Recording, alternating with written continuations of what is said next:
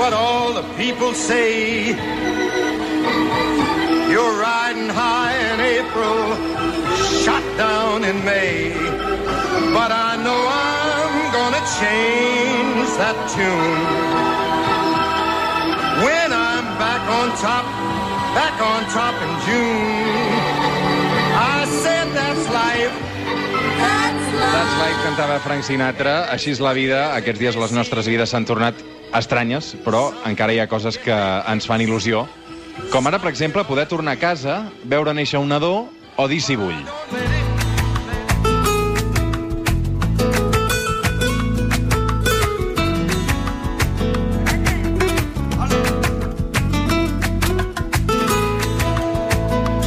Anem a pams. Quatre històries humanes curioses provocades per la pandèmia del coronavirus. El títol de la pel·lícula podria ser Un casament online, un part a casa, cuidar cinc criatures durant el confinament i un viatge amb final feliç.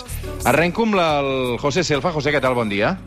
Hola, bon dia. Crec que t'he de donar l'enhorabona perquè tu has dit sí vull aquesta setmana passada, oi?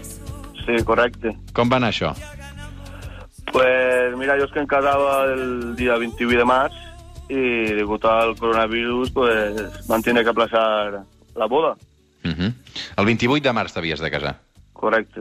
I, i ho entenc que ja amb anterioritat veu dir, escolta, m'ho endarrerim això, però tot i així et vas acabar casant per sorpresa i per Skype. Així és. Pues em va pillar per sorpresa totalment perquè tinc un camp i, i estava allí tot menjant uns animals que tinc i vaig rebre un- una crida del meu amic Ximo preguntant-me si anava a fer-me com cada dia fem els amics una cervesa en, online. Uh -huh. La meva resposta va ser pues, que s'esperara un rato que quan acabara que ja, ja em connectaria.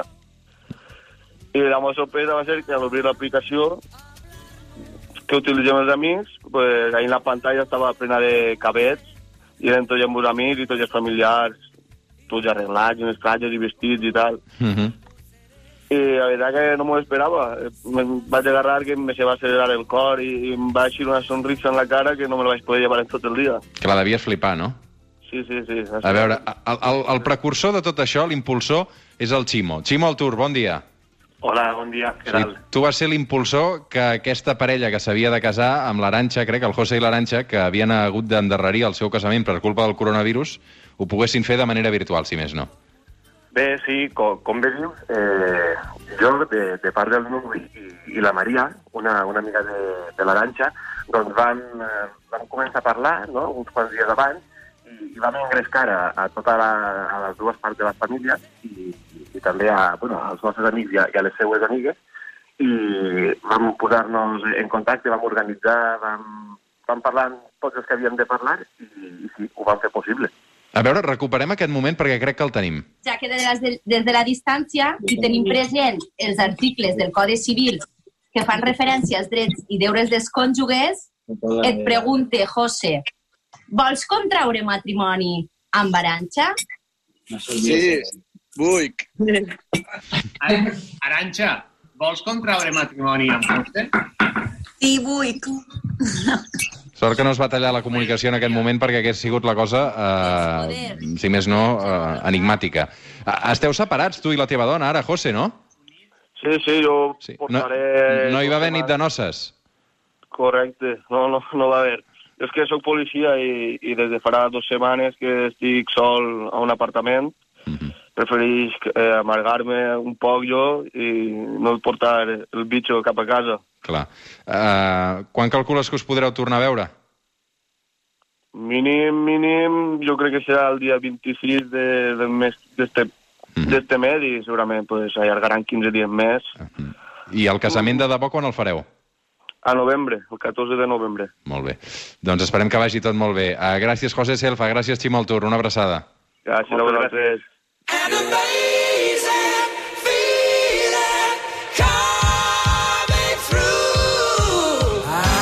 Més històries eh, relacionades amb el coronavirus, més històries curioses. Laura Salvado, bon dia. Hola, bon dia. La Laura és infermera del Servei d'Emergències Mèdiques i l'altre dia vam veure una foto teva a la xarxa del Servei d'Emergències de la Generalitat on se't veia, de fet, assistint a un part d'un nadó a, a casa. Com va anar això?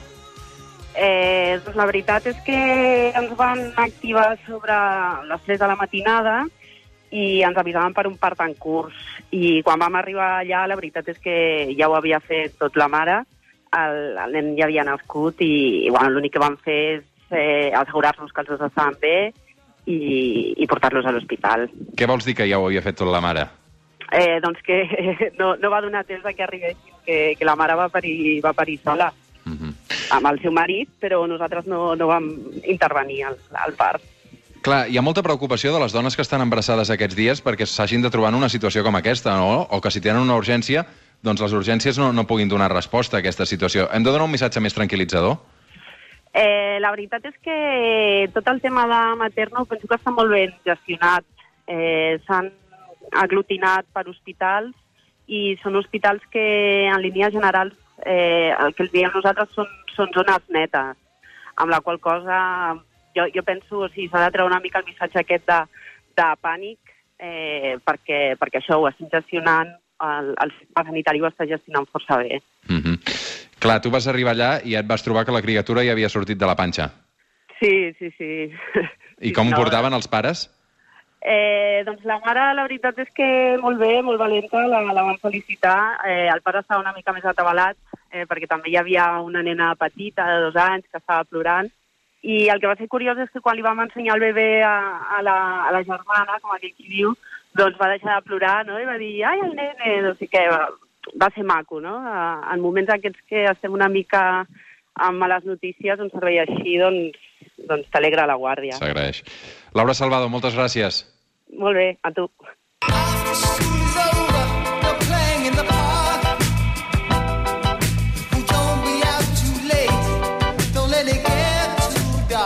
Victòria Peñafiel, bon dia. Bon dia. Tu crec que estàs entretinguda aquests dies. Sí, bueno, no, no és gaire diferent de, de, en una situació normal, però sí. A veure, tu tens cinc fills, no? Exacte. I a Quatre més a més, quatre nens i una nena, i tots a casa i tots treballant a la vegada teletreball.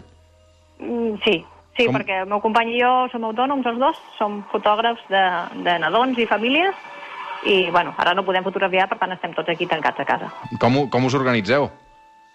Eh, no ens organitzem. Jo crec que ens organitzem com qualsevol persona humana que tingui fills, no? Però bueno, bàsicament és tot molt salvatge i els deixem anar una mica al seu aire. Sí? No hi ha horaris? No hi ha rutines? Eh, no, jo diria que portem l'horari canviat, s'estan Ahà. llevant a les 11, quarts de 12 cada dia i se van a dormir tardíssim, però mira, és com si fossin vacances. Qualsevol mes d'agost nostre és més o menys això. Uh, ho esteu portant bé per això? Sí, jo crec que sí, hi ha moments de tot, eh? Hi ha moments de crits i plors i baralles, però també hi ha molts moments de, de joc col·laboratiu i de, i de riure. Mm -hmm. Clar, tant de temps junts, tots a casa, no? Uh, ha de ser diferent, no?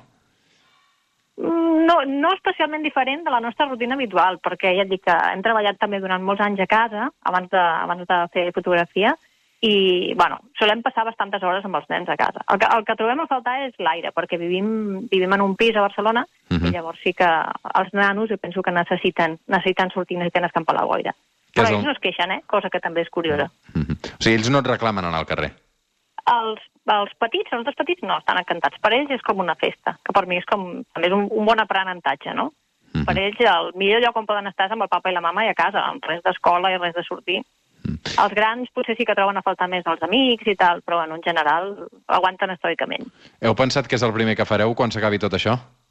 Els adults no, però avui la meva filla em deia que volia anar de vacances i ells tenen un pla molt específic, que és que volen anar a dinar al xinès i anar a prendre's un gelat. Mm -hmm. clar, clar, clar. Uh, moltes gràcies per traslladar-nos la, la, nostra, la teva història, també. Victòria, gràcies. Molt bé, vinga, adéu.